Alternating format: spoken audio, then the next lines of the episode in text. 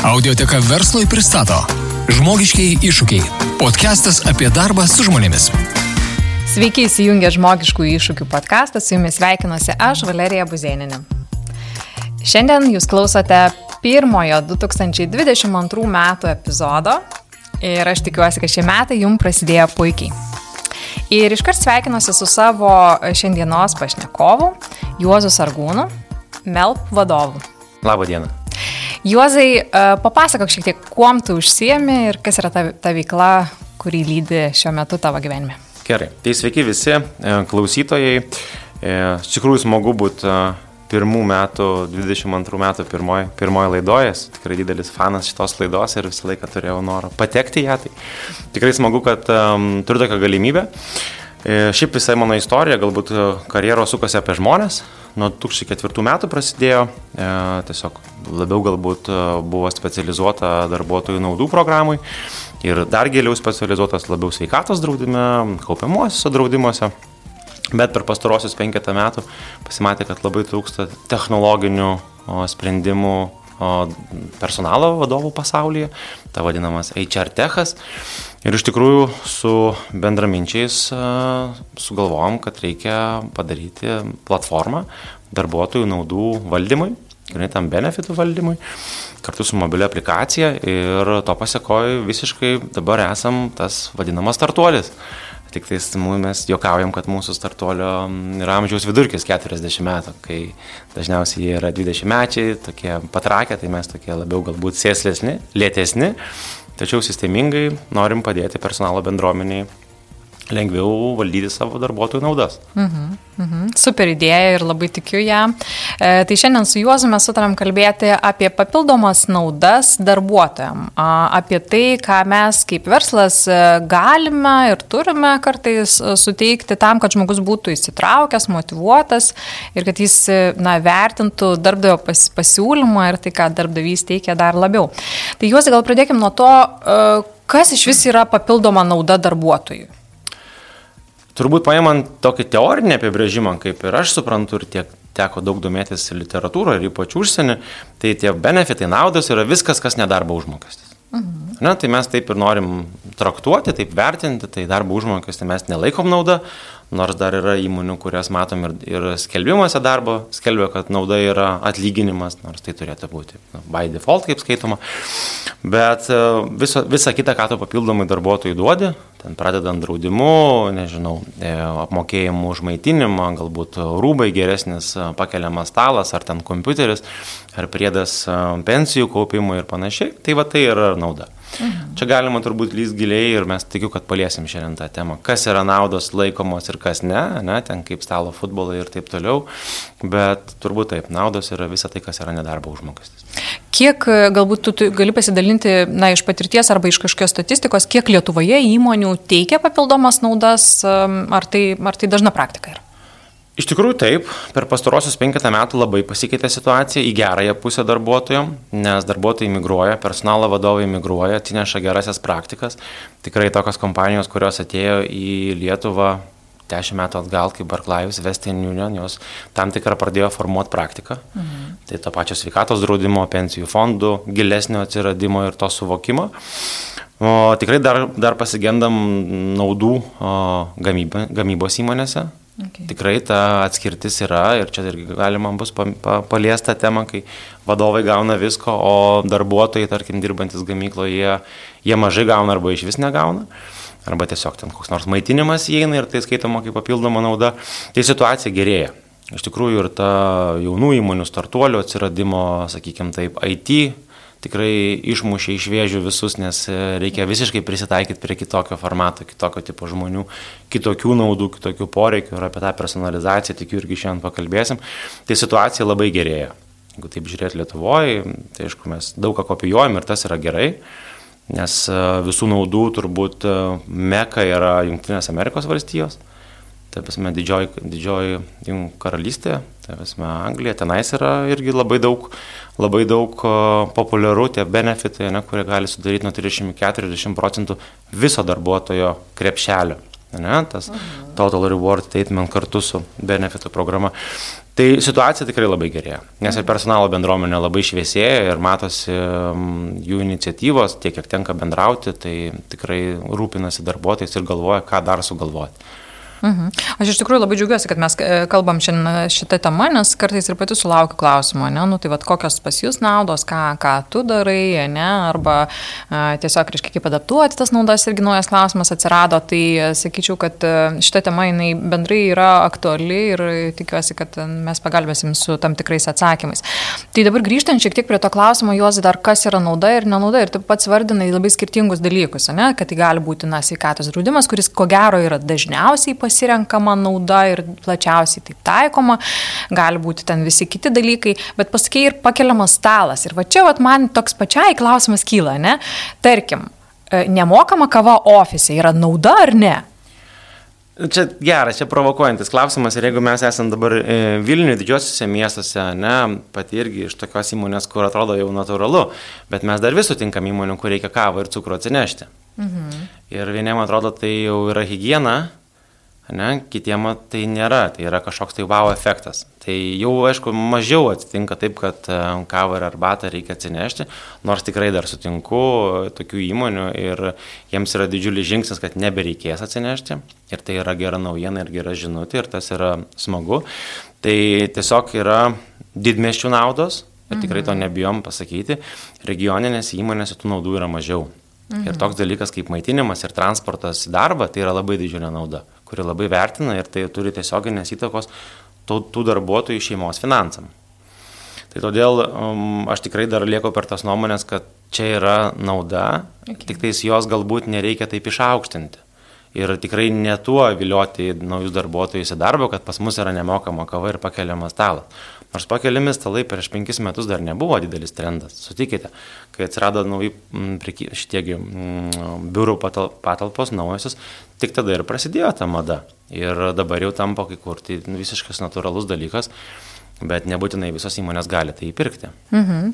Tai mes tikriausiai turėtumėm skirstyti tas naudas ne, į, į, į tam tikras kategorijas ne, ir atsakyti savo, kaip, nu, vat, visą laiką, kodėl aš gilinuosi ir klausiu, nes kartais mes vat, versle atsisėdam ir diskutuojam, ne, tai kad mes iš tikrųjų duodam labai daug O ne, bet gal apie tai ir pamirštam ir, vat, nu, tai kad ten kava, tai kava, žinai, gal, okei, okay, default, ne, bet tada kava ir bandelės, tai nauda ar nenauda, o jeigu tai bus kava ir krepšelį su įkrais, tai tada bus nauda ar nenauda. Ir čia, ko gero, mes turėtumėm atsakyti savo į klausimą, kodėl aš tai darau. Ir ypatingai dabar, kai mums galbūt yra iššūkių pritraukti žmonės į biurus, tai galbūt ta nauda kava ir dar plus ir plus ir plus, ne, kažkas, kas trauks žmonės ateiti eiti, jaukiai ten jaustis, e, produktyviai dirbti, galbūt susiburti ir pabendrauti kaip komanda prie tos kavos ir tų bandelių ir kažkaip parodyti papildomai dėmesį. Ir tada mes turime naudas kitas, kurios bus individualios ir nukreiptos iš, labiau į žmogų ir leis jam pasinaudoti didesnė galbūt na, tą vertę e, savo pačiam. Tai bent jau mano praktikoje aš esu skiršiusi tas naudas į grupinės, tai kas visiems yra prieinama ir tai galbūt va, tai yra hygiena pagal įmonės reikalavimus ir tada individualias naudas, kurios jau yra tada mm, konkrečiai e, nukreiptas į, į, į žmogų. Jo, čia geras, geras komentaras, bet e, aš dažnai užduodu klausimą klausimą, kurį irgi viena personalo vadovė pasidalino kažkada, o tai kokia jūsų kultūra yra benefitų? Ir čia man labai surezonavo. Ką jūs norit pasiekti tuo? Mhm. Ar jūs norite vytis madas ir kai buvo stalo futbolo mada, ne visi bėgo juos pirkti, supinės visi bėgo daryti, pirkti sumuštinius, kad būtų, tuomet sumuštinių nebeužteko, reikėjo sumuštinių su veganišku majonezu, ne, vis, vien spurgos, tada alkoholio mada ir taip toliau. Tai ką jūs norit pasiekti? Ar kai atsitinka darbuotojai bėda, jūs kompensuojat išlaidas? Ne, klausimas. O jeigu rimtesnė kritinė lyga ir reikia daug mokėti, o jūs neturit kritinių lygų draudimo, darbdavys dalyvauja ar ne? Ar tiesiog viską atliepia kava? Tai va, aš tai visą laiką noriu kelt klausimą, kokia yra mūsų kultūra, ką mes norim pasiekti. Ir čia labai skirtumas yra tarp tų jaunų įmonių, technologinių įmonių, kur reikia čia ir dabar, ir traukia tie nu, žaismingi dalykai, ne, kavos, muzikos, limuzinai atveža į darbą, nu, tikrai jie pritraukia ir tikrai visiems yra wow. Klausimas, kas toliau. Ar mes galvojam apie jų finansinį raštingumą darbuotojų, ne, apie kaupimus pensiją, ar mes prisidedam. Čia labai didelis skirtumas tarp didesnių korporacijų ir naujų įmonių ir čia labai yra įdomu stebėti. Ir kitos įmonės sako, mes nesivaikysim tos mados. Mes turime ilgalaikius motivacinius tikslus, išdirbus tiek ir tiek laiko atsiranda kaupimo programos, atsiranda šeimos draudimas, jeigu nori, ne, atsiranda kažkokios nu, gilesnės, gilesnio turinio motivacinės programos ir su jomis yra labai įdomu dirbti. Mhm. Čia labai geras tavo pastebėjimas, aš sakyčiau, kad, nu, vat, reikėtų tą pasimti. Tai, bet kaip atsakyti savo į klausimą, būnant ten vat, įmonės viduje, va, vadovų tarpio, ne, arba personalo skyriuje, kaip atsakyti savo pirmiausiai klausimą, kas yra mūsų ta kultūra ir koks yra mūsų tas tikslas? Čia labai geras klausimas. Koks yra tikslas? Ar reikia pritraukti staigiai šimtą darbuotojų? Mhm. Ar 500 per metus laiko, nes augimas yra beprotiškas? Ar mums reikia išlaikyti darbuotojus? Reikia ir to, ir to, ir yra toksai miksas, jeigu pas mus nėra didelės kaitos, tai mes žiūrim, ką mes galim dar padaryti darbuotojams. Ne, jeigu, tarkim, turim nieko, ne, neturim nieko apskritai iš, iš benefitų, o norim kažką turėti, nes darbuotojai prašo, darbuotojai klausia, kur, ar, ar bus pas mus bandelių, ar mes turėsim draudimą, ką dažnai įmonės, įmonės klausia, ar ten papildomos atostogų dienos, ką iš tikrųjų dažnai girdžiu, vietoj 20 darbo dienų 25 pasiūlo ir tikrai atostogų, sakyčiau, papildomas, papildomos dienos yra vienas iš top 3 turbūt benefitų. Kai, kai klausia, ką turi, nes kiekvienam papildomą atostogų dieną darbuotojai tikrai suteikia labai, labai daug nu, to pasitenkinimo, džiaugsmo iš darbdavio. Mhm. Man atrodo, kad atsakyti tą klausimą, koks yra mūsų kaip įmonės tikslas su naudomis arba kokios e, naudų, kokia naudų kultūra, yra ir labai svarbu tam, kad turėtum uh, tam tikrą pagrindimą arba liniją, nes kas atsitinka įmonėse, ypatingai dabar, kai, kai žmonės labai daug juda tarp įmonių ir jie yra ir labai apsišvietę ir pasiskaito ir žino ir vartoja daug informacijos, tai tada gaunasi, kad kiekvienas darbuotojas ateina ateina su savo individualiais lūkesčiais, ne? Tai vienam krepšinis, kitam ten bandelės, trečiam tai gali būti joga, ketvirtam tai gali būti ir tų poreikių yra labai daug ir kartais netgi susidaro tam tikras spaudimas, kad ar mes kaip įmonė pasiūlom atitinkam darbuotojų lūkesčius, o lūkesčiai visi labai skirtingi, ne? Ir tai va čia ta kryptis, jinai padeda vienok vis tiek mm, vesti visą organizaciją ir būti užtikrintam, kad mes visgi siūlom siūlome. Ja, bet čia labai, labai gera tema ir labai geras toks nu, pokytis, e, pokreipis temos į tą flex benefit, į tą laisvai pasirinkamas naudas. Kai paskutiniai tyrimai čia buvo ir Vilis e, Tower, Watson, man atrodo, ir Maršo prieš dviejus ar trijus metus, tai čia buvo 2000. 18-19 metai, kas sako, ateinantis 3 metai bus flex benefit laikas. Ir jis dabar ateina. Jis tikrai ateina, leidžia įmonės pasirinkti, jie paskiria tam tikrą limitą, darbuotojai pats išsirenka ir jeigu tu nori jogos mokymų, tu eik pirk jogos kursus, kurių, tarkim, nežinau, ar šokių pamokos, ar baleto pamokos, kurių sveikatos draudimas neapmoka. Ir darbuotojai tada nusivilia. Nesako, aš nesergu penkis metus, duokit man geriau ten, kur aš nu, mėgausiu savo tą veiklą. Ne, ir, dar, ir darbdaviams sugaudyti visas veiklas, visus poreikius yra praktiškai neįmanoma. Dėl to tada jie paskiria tam tikrus limitus ir darbuotojai renkas. Bet čia yra kita problema - suvaldyti pasirinkimus. Taip, ir administruoti. Ir administruoti. Ir dėl to nelabai įmonės personalo vadovai ar administruotojai menstruojantis asmenys nori tą dalyką daryti, 10, 20, 50 žmonių dar yra tą šansą padaryti. Kai mes kalbam 200 tūkstantis ir taip toliau, be įrankių tai yra praktiškai neįmanoma. Mhm. Arba tada nu, tiesiog yra dar papildomi etatai, papildomas laikas, o tikrai papildomo laiko niekas nenori daryti, nes nori daryti savo darbus, ten yra irgi daug reikalų. Mhm. Bet tai yra, nes vėlgi įmonės Įmonės padaro tam tikras galbūt bazinės naudas, nu, ta kaip, tokia kaip ir piramidė, ne? bazinės naudos, kurios yra visiems, ne? nes pavyzdžiui, sako, mes rūpinamės jūsų sveikata ir norim, kad atsitikus atveju jūs turėtumėt prieigą prie medicinos įstaigų. Nes šiai dienai valstybinė medicina, tarkim Lietuvoje su visa pagarba jai, jinai negali užtikrinti greito ir operatyvaus aptarnavimo, jeigu jums yra problemų. Ne, pas gerą kardiologą patek šią dieną turbūt užtruktų nuo 2 iki 3 mėnesių. Taip visi gali sakyti, bet aš turiu pažįstamų ir taip toliau, ok. Ne, tai čia kiek, kiek tokių turi, 10-5 procentai. Turim kažkokias tai bazinės dalis, kas yra, o paskui visa kita pagal tavo poreikius. Ir žmonių yra skirtingų. Vienam reikia psichologinės pagalbos, apie kurį labai smagu, kad vis daugiau žmonių šneka tą mental, health. Yra ir visų aplikacijų. Ir įmonės turi ir psichologų savo, savo netgi biurose įrengus, įrengu, įrengę. Tačiau vėlgi, ką, ką teko girdėti, kad darbuotojai bijo eiti pas psichologą, jeigu jis yra biure. Mhm. Nes dar pas mus vis tiek yra tas supratimas, kad psichologas prilykstamas netokiu pat daktaru, kaip tarkim, ten nežinau, kardiologas ar, ar, ar odontologas. Bet į tai eina. Ir tikrai čia didėjai paslaugų centrai, bankai tą labai nu, pastumėjo ir, ir tas tikrai smagu, gera praktika atsiranda. Mhm. Tai va, turėti bazinės ir tada šalia libdyti tai, ko reikia. Klausia darbuotojų. Ar mes labai dažnai klausiam darbuotojų, ko reikia. Ne, reitingavimas naudų. Ne, ir tai nebūtinai klausimas yra rizikingas dalykas. Aš turėjau patirties su tuo sveikatos draudimu, kadangi nu, beveik 17 metų dirbau, tai tikrai tų patirčių yra, kai paklausė darbuotojų, tai ko jūs norit ir jie išvardina ir tu neduodi. Mhm. Tai yra blogiausias klausimas. Bet jeigu tu klausi, ar to, ar to, ar to, sureitinguota, ne, ar tau reikia labiau odontologijai, ar optikai, ar sporto nori, tuomet tu gali pakreipti kryptį. Tiesiog tai klausimų formavimas yra labai, labai svarbus, teisingai užduot klausimą, kad darbuotojai nesukeltų perdėtų lūkesčių. Mhm. Tai dabar pakalbėkime, Juozai, apie tai, gal tu gali papasakoti iš savo patirties, ko labiausiai darbuotojai nori? Kokios yra dažniausios naudos mūsų rinkoje teikiamos? Tai jeigu taip žiūrėt, pirmas dalykas, darbuotojai dažnai net nežino, ko galima norėti. Mhm. Ja, tai toks, aš tiesiog šūti pasi, pasiblaškysiu, paskui sugrįšiu atsakymą. Tai buvo, dažniausiai būdavo kaip humoras apie sporto klubus. Mhm. Arba išperka salę darbdavys, ne, 300 darbuotojų, ateina 5 arba 10, ne, pinigai yra išleisti, nors visi turi galimybę ten patekti ir panašiai.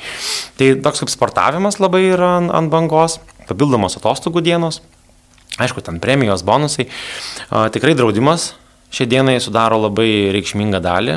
Ir jeigu prieš 5-8 metus mes turbūt, nežinau, nu labai dar vis retą įmonę sutikdavom su sveikatos draudimo paketu, tai dabar praktiškai turbūt didžiosiuose miestuose jau, sakykime, taip sunku surasti įmonę, kuri, kuri neturi populiarėja e, pensijų kaupimas, mhm. nes um, suprantama ir mokestinė lengvata, plus šiaip žmonės žiūri į priekį, tas raštingumas jisai auga, sakykime taip, pasitikėjimas yra atsiradęs. Tai ir, ir kaup, kaupimo bendrovėm, ir pensijų fondais lyginant, aš jau nebegirdėjau, kad sakytų, va, prieš 20 metų mano tėvai kaupė ir pinigai nuvertėjo, nebegirdžiu. Mhm. Dar prieš 10 metų tą sakydavo. Tai čia iš tokios galbūt bazinės, o paskui prasideda jau taip, nori maitinimo ne, kad tau būtų ar tie kažkokie čekiai maisto, ar namo atvežtų, nes visi būna nori ir tų pasilinksminimo kažko, kad tave tiesiog dar papildomai linksmintų. Įrangos nupirkimas. Ne, dabar tikrai per pastarosius dviejus metus matom, kadangi atsirado ta pandemija, namuose žmonės neturi darbo vietų. Ir tenka būti mėgamojo kamputyje, ar dar kažkur, tai, tai tikrai matęs įmonės nu, prisideda prie to. Ar pakeliamas stalas, atsiranda ar kompiuterio laikiklis.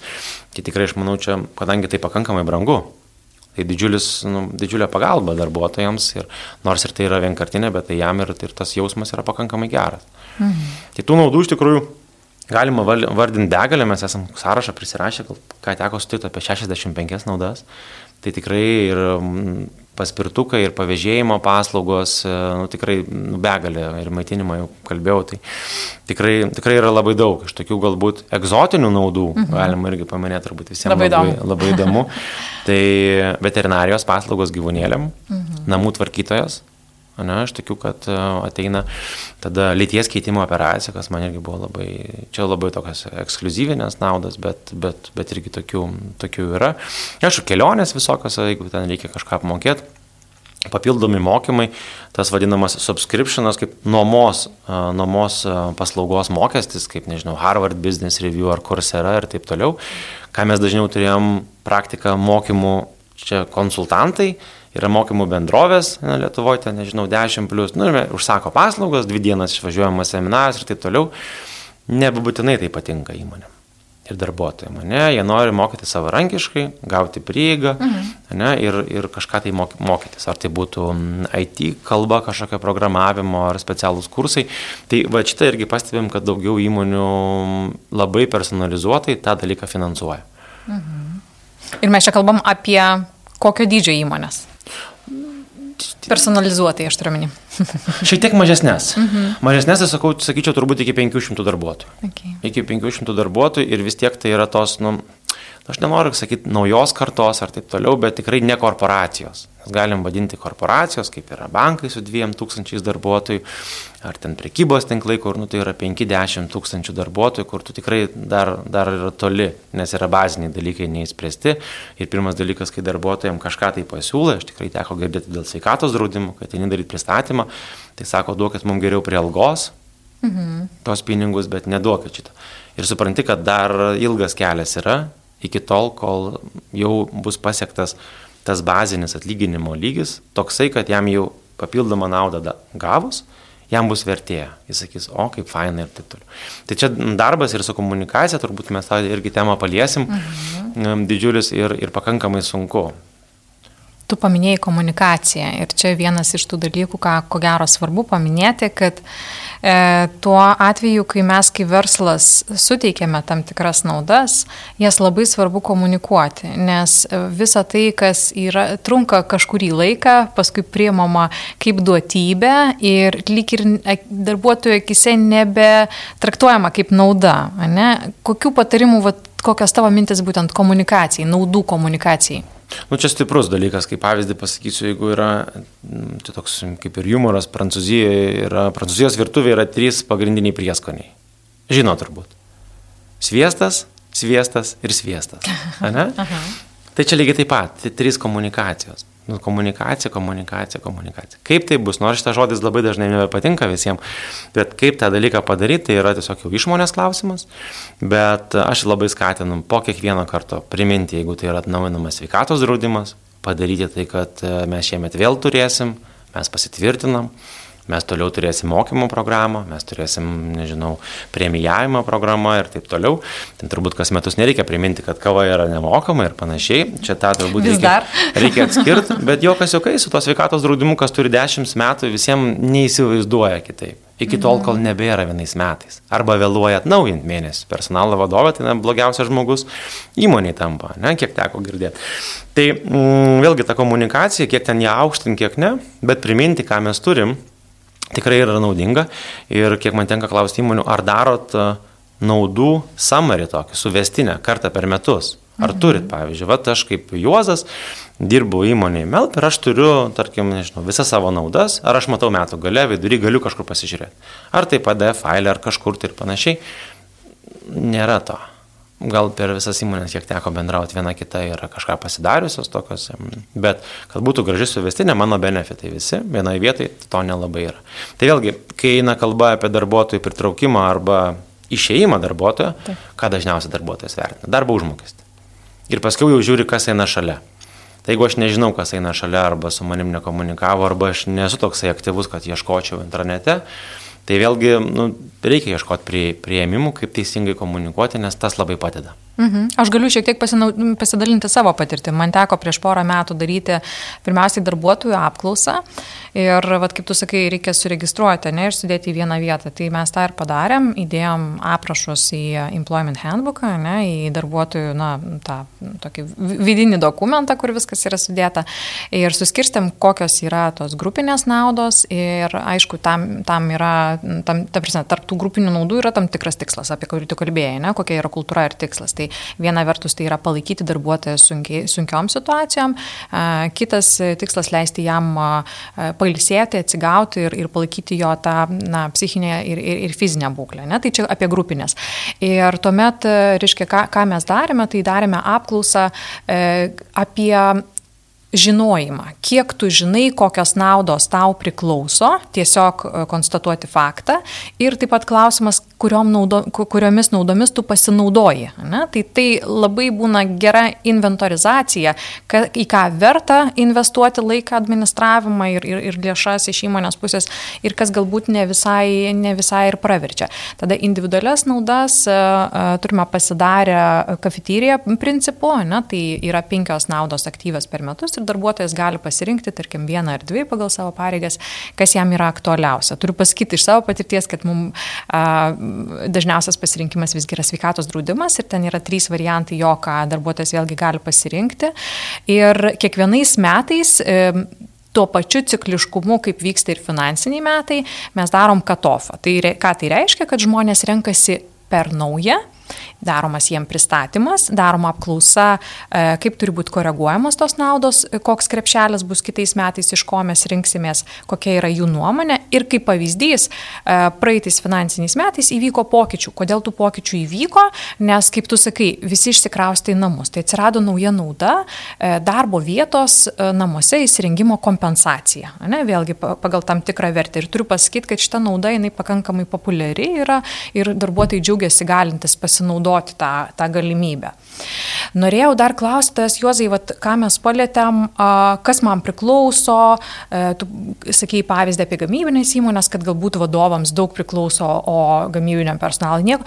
Kaip įmoniai pačiai nusimatyti taisyklės, gairias, kokiom sąlygom ir kokia apimtim suteikti tas naudas, kurias mes išsiaiškinsim, kas yra aktualiausia mūsų žmonėm, pasirinksim tada kaip tai turėtų atrodyti. Jo, čia, čia, aišku, sunkus klausimas ir turbūt vis tiek atsiriame labai daug dalykų į pinigus. Mhm. Ne, vis tiek tos visos papildomos naudos tai yra išlaidos. Dėl to aš taip kartais juokauju ir esu labai personalo vadovo pusė, nes sakau, jūs esate kaštų centras. Kad ir kokie jūs būtumėt faini ir su darbuotojais, bet jums yra labai sunku nes jie turi gerų idėjų, ateina pas įmonės vadovas, sako, darom tą. Ne, nedarom, nes nėra pinigų. Tada reikia daryti kažkokią tai išmonę, galvoti kažką tai galbūt mažiau kainuojančio, bet kažkas tai būtų. Kas yra smagu, e, kad atsiranda daug lygybės principų. Tai dažnai vadovai sako, žiūrėkit, mes esame lygiai tokie patys žmonės. Kažkada vienos valstybinės įmonės buvo vadovas, mm, kaip darėm pristatymus, sveikatos draudimo, e, kartu su gamybininkais ir buvo vadovas ir gamybos darbuotojai sužinojo, kad krepšelis toks pat yra ir vadovo, ir jo sveikatos draudimo. Tai reiškia, mes nebevertinam, kad ne, ten vadovas tai turi turėti labai didelį paslaugų krepšelį, arba būtų apdraustas milijono eurų draudimai sumai, o paprastas darbuotojas 10 tūkstančių. Ar skiriasi gyvybės? Ne, nesiskiria. Tai čia turbūt pagrindinis dalykas eiti į lygybės principą. Mhm tikrai dažnai vadovai turi, ar, ar ten, nežinau, ką su pardavimais, turi ir taip geresnės sąlygas. Ne, geresnė mašina, kūro limitas didesnis. Ir tai yra viskas normalu, jie tą, to siekia, jie to pasiekia. Bet kiek įmanoma labiau suvienodinti.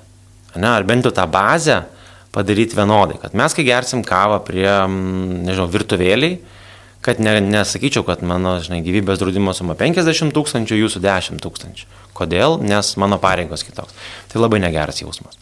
Tai čia turbūt labiausia tą norėtųsi turėti lygybės principą ir jį taikyti. O tikrai tai įmanoma. Jeigu, žinai, mes užsakom bandelės, tai užsakykim visiems ir administracijai, ir, ir gamybos darbuotojams. Mhm. Kartais, aišku, gamybos darbuotojai m, mm, turi netgi daugiau, ypač kalbant apie maitinimą dažnai administracijos darbuotojai neturi maitinimo, kas irgi sudaro nemažą dalį.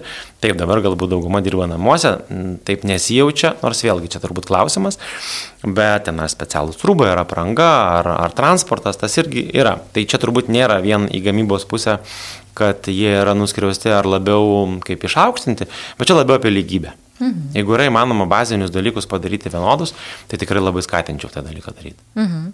Na, kiti klausimai, kuriuos ko gero įmonė kiekvienai reikės tiesiog susėdus apgalvoti. Tai kada suteikti tą naudą, ne? Ar iš karto žmogus gauna naudą, ar po kurio laiko, ne? Po bandomo laikotarpio standartiškai, arba ten po kažkiek laiko išdirbėsi. Tai va, tą klausimą, tada e, kiek laiko naudos e, tą naudą. Kas atsitiks, jeigu žmogus išeina motinystės atostogas? Ar jis pasiema tą naudą toliau, ar, ar jinai sustabdoma? E, praktinės situacijos, ne? Tada jeigu žmogus išeina metų viduryje, kas atsitinka. Tai visas šitas, vat, visus šitus klausimus, jeigu kažkas svarstate įsigyvendinti naudų politiką savo organizacijai, tai jums reikia pagalvoti apie visus praktinius atvejus, kurie... Bet galiu pasidalinti, čia labai, mhm. labai faini klausimai, aš prieš kokius penketą metų buvau tikrai toks, e, save vadinau dinozauru ir sakydavau, kad reikia išdirbti metus, norint gauti kažkokią naudą didesnę. Mhm ten tarkim sveikatos draudimo ar kažką, bet paskui supratau ir gavau daug pastabų irgi iš personalo vadovų, kad ne, ne, ne, Jozai, mes ant tiek viskas greitai vyksta, tu nebegali darbuotojas negali laukti. Ne? Tai tikrai praktika yra po trijų mėnesių labai daug visko įs, įsijungia. Tai nereiškia, kad tu kavos negali gerti ar, ar naudotis kažkokam tai papildomam, bet rimtesnės naudos, kurios jau suriš, ne tai kad suriša, bet jau sujungia kompaniją su darbuotoju, tai tikrai praktika rodo, kad po, po trijų mėnesių. Yra ir po šešių mėnesių. Ne, tai gali būti laipsniškai. Dėl ko aš kaip paminėjau pokalbio pradžioje apie kultūrą, netgi pristatant darbuotojui nereikia visko dėti ant stalo.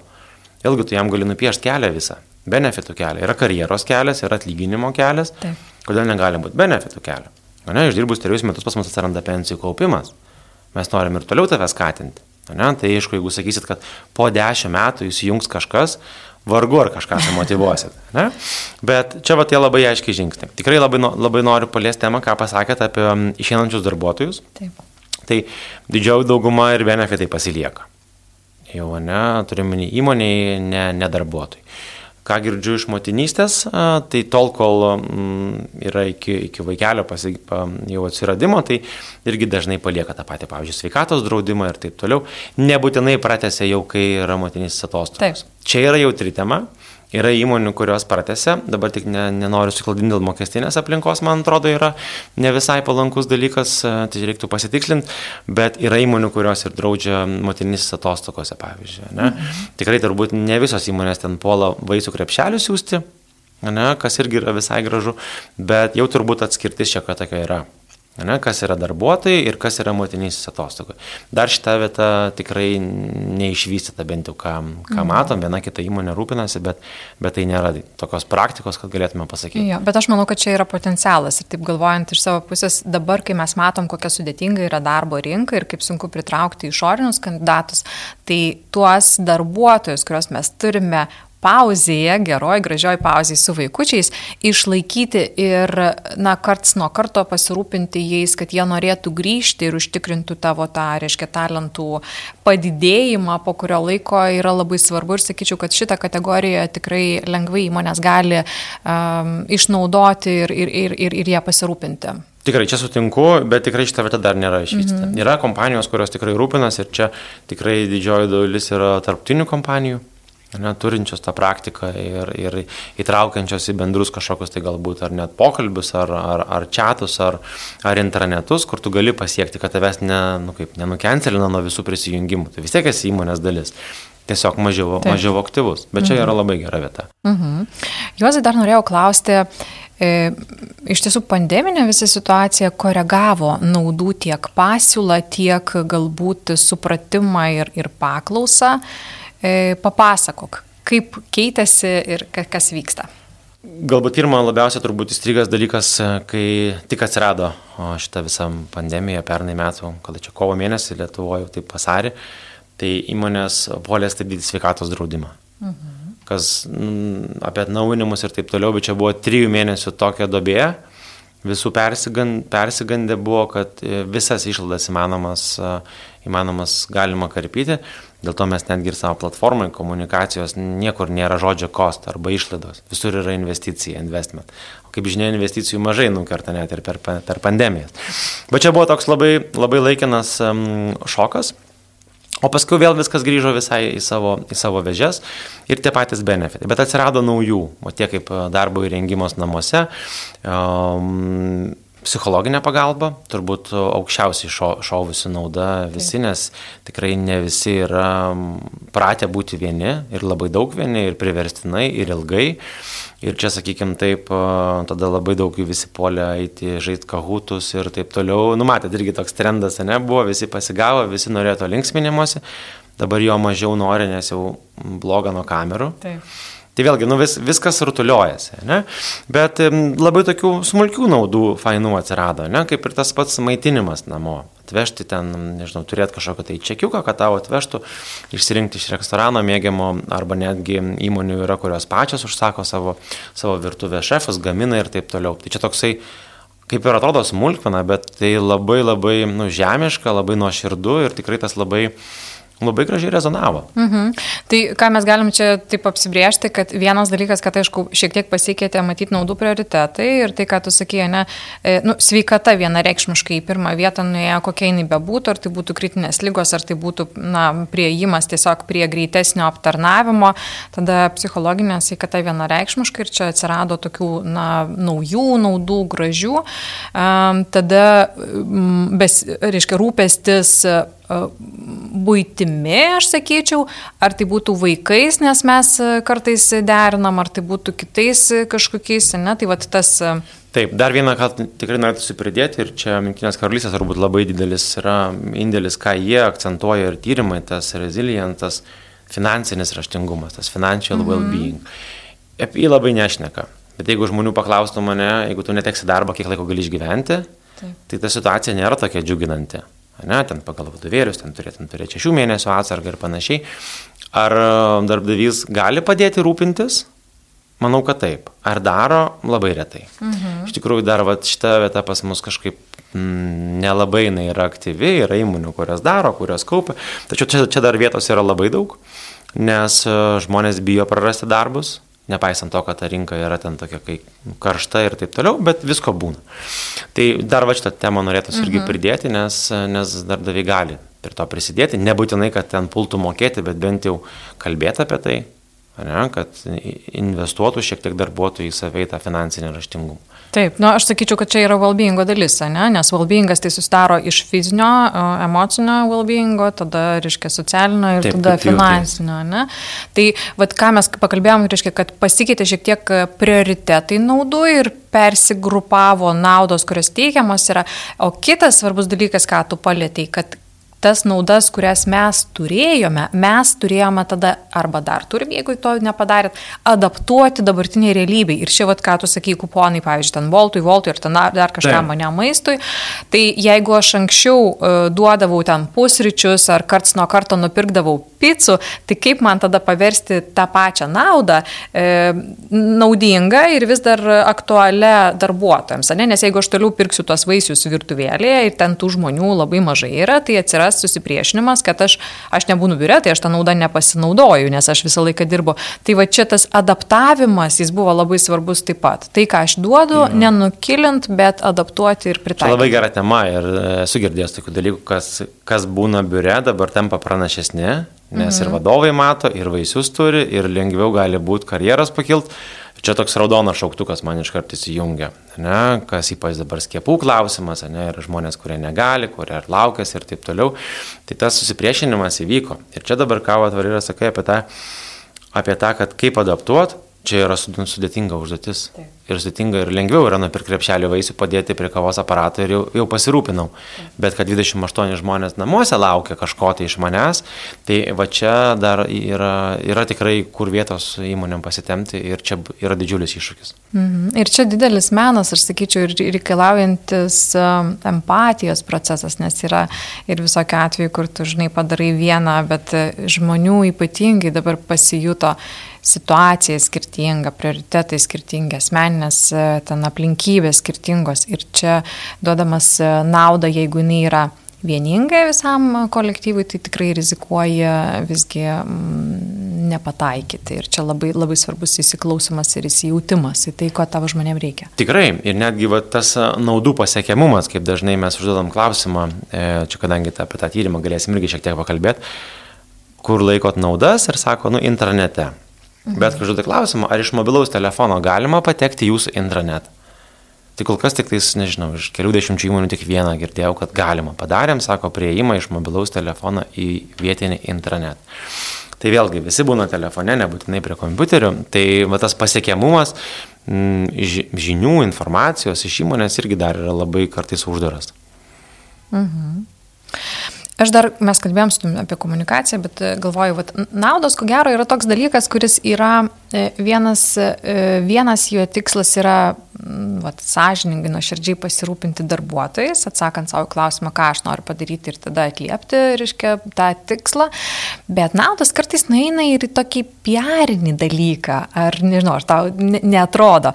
Na, tarkim, tos tokios keistos ten, nežinau, mm, kad ir kirpimai ten ofise, kas kažkiek laiko, ar akupunktūra, ar ten dar kažkokie dalykai, kurie atrodo, kodėl tai nėra nei kažkaip labai, na, nu, galbūt aš ne, neižvelgiu tos tendencijos ir to, to žinai, why, ir gal čia šitie pavyzdžiai nėra patys geriausi, bet būna tokių vis keistų naudų išgirsti ir kartais atrodo, kad ta nauda jinai atsirado tik tai dėl to, kad e, atsirastų laikraščiuose ir internetinėse puslapiuose. Geras, geras, šitas labai geras ir, kaip sakyt, kadangi aš bendrauju su abiem pusėm įmonių ir, ir su tais vat, startuoliais, kur, kur, kur, kurie yra ir mirga marga, ne?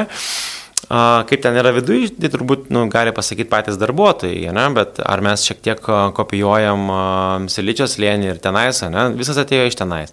Ir rūbų valikla, ir maitinimas, ir taip toliau, ir barai, ir iki nakties ten buvimas kad tu tiesiog nu, gyventum darbe, atiduotum jame visą laiką ir nebūtinai namojitum. gali jeigu nori ir pernakvoti, ne? Ar tai gerai? Nebūtinai. E, bet gal tai ir gerai kažkuriame etape, etape kažkuriem žmonėm, ypač kai, tarkim, nėra dar šeimos. Ne, nėra antrų pusių, arba jeigu yra, jos keičiasi, tau nėra didelių įsipareigojimų ir tau yra faina blizgantį fasadai, nuolatinis ten žaidimas, jojimas ant arkliukų, ten valgymai, gerimai ir taip toliau. Klausimas, kokią tu kultūrą pieši, ne, ar su to neribotu šaldytuvo proseko, ar, ar ten dar kažkokiais, kur visiškas, nu, laisvė ir hozas, nežinau, neturi vienareikšmio atsakymą. Tom kompanijom, kurios yra labiau brandžios, labiau apkaustytos procesais, jom yra sunku, kartais turbūt pavydu šiek tiek, turbūt ir nervas ima, kad, e, nu, kodėl mes iš mūsų išeina, ne, nes mes tokie lėtesni, sėslesni ir taip toliau. Bet čia vėlgi grįžtami tai, yra fasadinė pusė ir yra ta vidinė pusė. Kas būna, kai kažkokios rimtos bėdas, ką įmonė yra pasiruošusi daryti.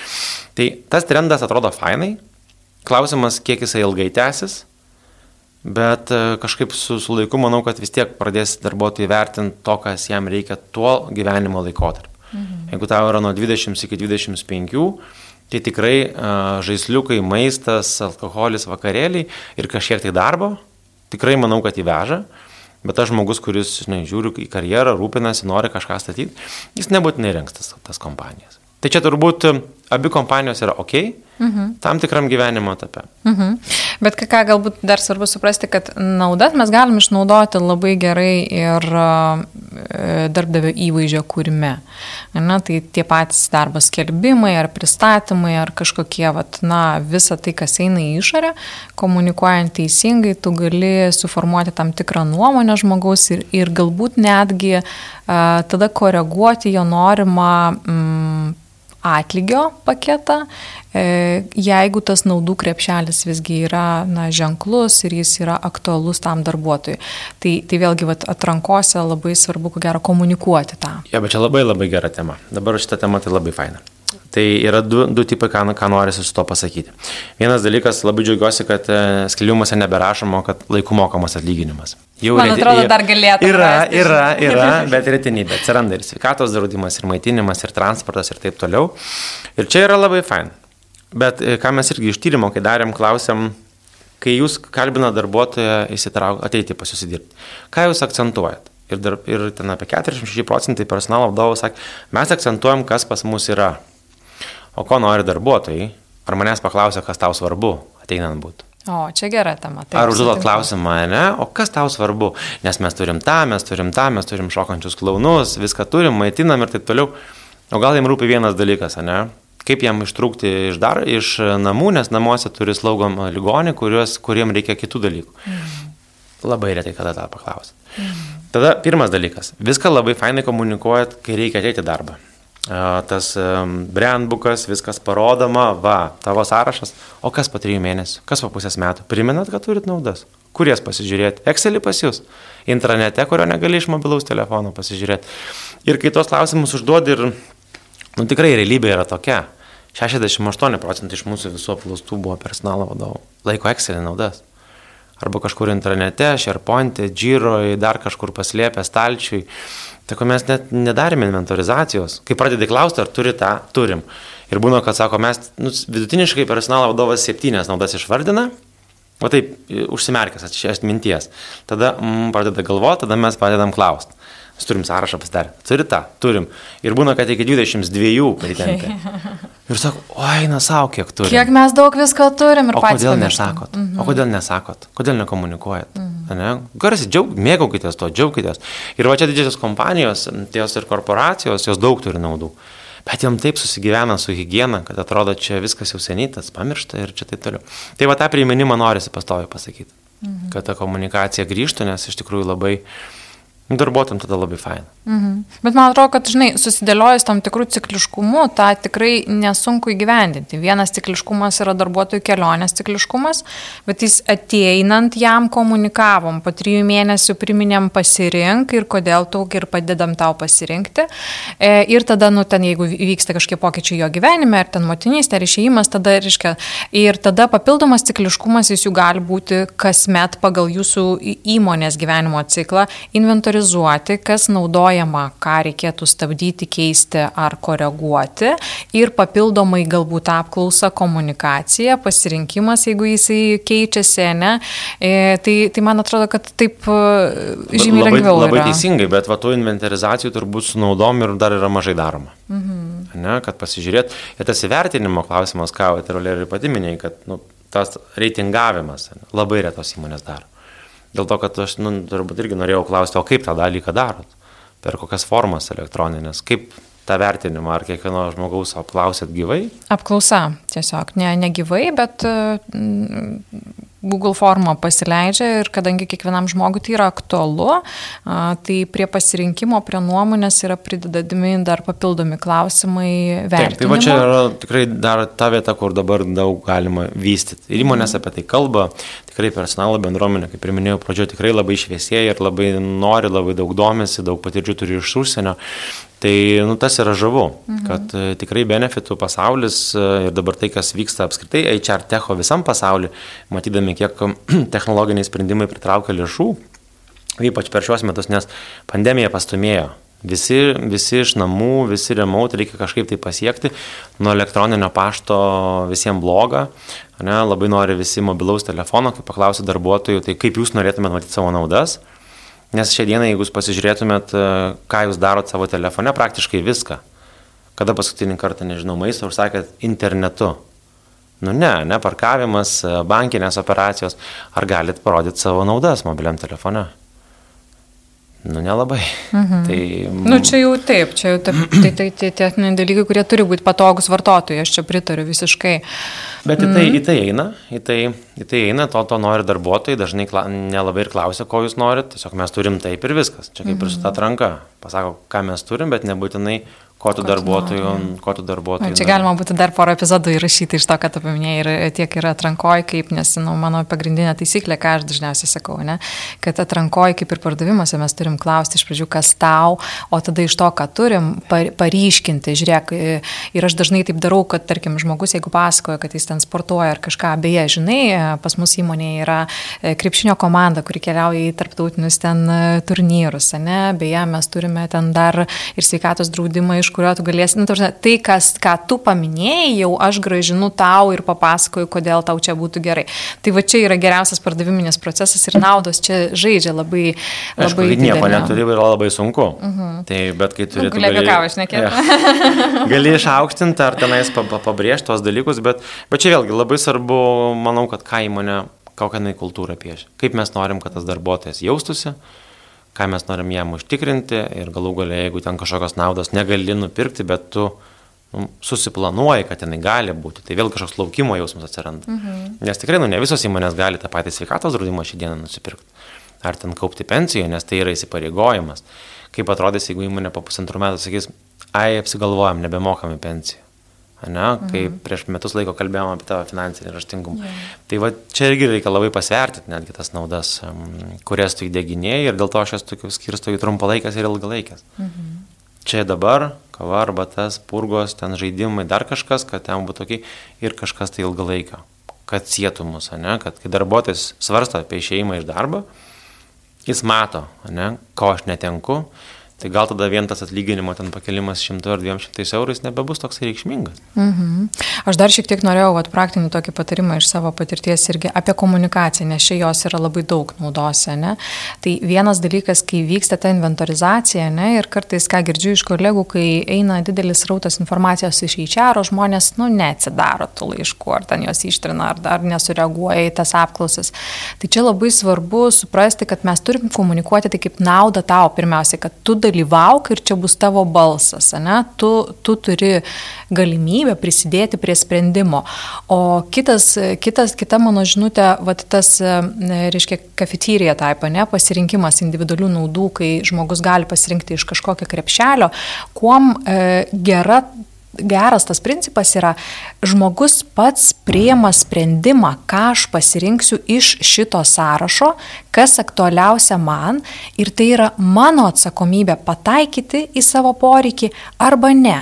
Ir tada, kai aš sakysiu metų pabaigoje, kad, nu, beryšio tas jūsų sveikatos draudimas, ne, tai aš žinosiu, kad, bet aš jį pasirinkau, tai, e, tai čia yra mano sprendimas, ne, nes kai mes turime fiksuotą pasiūlymą visiems žmonėms, tai vis tiek kažkas liks nepatenkintas, nes nebus pats nusprendęs. O kai yra vat, to, tas krepšelio principas, aš tada matau, tarkim, penkis pasirinkimus, padarau pats sprendimą ir tada save arba giriu už tą sprendimą, arba peikiu. Ja, nu čia medus manausim. Tavas, jeigu nuoširdžiai, tai aš tai labai džiaugiuosi apie tokį nu, požiūrį ir jeigu taip visi perkeltų į darbuotojo sprendimą, tai tada mažiau būtų bambeklių. Mhm. Ne, kad ką jūs čia vėl nupirkot, ką jūs čia turit ir kodėl čia su manim nepasitarėt. Tai va, tu pats nusprendai, mes paskiriam, tu padarai sprendimą. Ir tas įtraukimas į sprendimą irgi, nu, manau, kad ir darbuotoją padaro svarbesniu. Taip, vienareikšmiškai toks ir tikslas. Mhm. Priėmėm sprendimą ir jeigu tau reikia ten šokti baleto studijoje ir tu dėl to jautiesi, okei, okay, ir šoko, kitas tik laina krepšinį žaisti, jeigu jam reikia. Bet kad visiems nupirktume krepšinio salę ir visus varytume, ne, netiks taip. Ir, ir, ir nu, čia anksčiau buvo tie trendai, kad išperka sales, dar kažką ir varnelė yra uždėta, kad Taip. padarėm. Tai dabar to mažėja ir tas iš tikrųjų labai keičiasi labai gerą pusę, tas benefitų pasaulis, naudų. Tai mhm. aš labai džiaugiuosi, kad galiu dalyvautame, tai man labai kažkaip tikrai gera. Juozai, pabaigai, tavo patarimas įmoniai, kuri šiuo metu galvoja arba dėktis, arba revizuoti savo naudų e, krepšelį ar politiką, ką patartum? Turbūt pradėti nuo paprasčiausios apklausos darbuotojų bet kokią formą. Ar per, nežinau, elektroninę versiją, ar tiesiog paklausti, ar surašyti, kad sudėtų varneles, nežinau, prie, prie kavos aparato, ne, ir identifikuoti, kas tikrai vertinam, iš tų naudų, kas yra. Ir net tada, aišku, pasiskaičiuoti pinigus, vis tiek į naudos jos kainuoja, bet kokia atveju. Yra mokestinės, mokestinės kaip ne mūsų naudai, bent jau Lietuvoje žiūrint, kol kas yra mokestinės lengvatos naudom, bet nepaisant to vis tiek galima rasti būdų, kad ir nebūtinai daug išleidžiant pinigų, tą dalyką padaryti. Tuomet trečias turbūt e, žingsnis būtų paklausti savęs, ką norit pasiekti. Mhm. Ne, ar įsitraukimą padidinti, ar naujų darbuotojų pritraukti, ar darbdavio įvaizdį padidinti, kad mes tokie, mes rūpinamės tavo pensiją ir su, su mumis kartu sulauksi pensijos. Nu, gal labai skamba nelabai jaunatviškai, bet, bet kitiems galbūt tai yra labai aktuolus dalykas. Ir tuomet pasižiūrėti, ko jūs norite pasiekti. Ne? Aišku, tada pasižiūrėti, o kas trendina, kas yra faina, ką, ką žmonės greitai gali turėti. Tie smagus žaisliukai, kaip aš sakau, nu, jie, jie faina ir man pačiam, nors aš kartais būnu skeptikas, nes jau save laikau prie vyresnės kartos, bet Nu, kad ir tas pats maitinimas, ne, ar ten tie patys vaisiai. Nu, jeigu, jeigu jų porą savaičių neatvežtų į biurą, tai ne patys administratoriai ir klausia, kur vaisiai.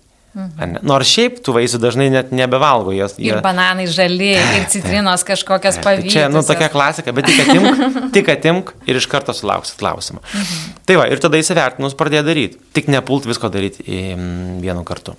Labai geras tai yra dalykas, kas kažkiek, tai pavyzdžiui, ar mėnesio, ne, kažką tai naujo įtraukti ir ateiti su gera žinia. Nieko nėra smagiau, kaip pastatyti su gera žinia. Mes nuo šiandien turėsim tą ir tą. Mes turėsim tą ir tą. Ne, tinkamai komunikuojant, tai yra nu, fantastinis dalykas.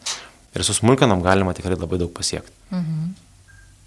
Ačiū tau labai už pokalbį. Aš pati, tiesą pasakius, negalvojau, kad tiek šitoj temoje yra įdomių klausimų, kuriuos norėtųsi dar tęsti. Nu, iki vakaro galėtume kalbėti, nes imtume dar pavyzdžius, bet tikrai, tikrai labai smagu, labai ačiū už, už kvietimą dalyvauti. Tikiu, kad ir kažkam galbūt bent kokią nors įsinešė dalelę pavyzdžio. Tai ačiū labai. Dėkui tau, Juozai, ir tada iki sekančių kartų. Jūs klausite podcast'o Žmogiškiai iššūkiai. Kad nepraleistumėte naujų epizodų, kviečiame prenumeruoti laidos naujienlaiškį adresu žmogiškiai.lt. Podcast'ą prenumeruoti taip pat galite per Apple Podcast, Google Podcast, Spotify, Stitcher ir kitose platformose. Laidos partneris Audioteka verslui. Nuolatinio tobulėjimo kultūra jūsų organizacijoje. www.audiotekaverslui.lt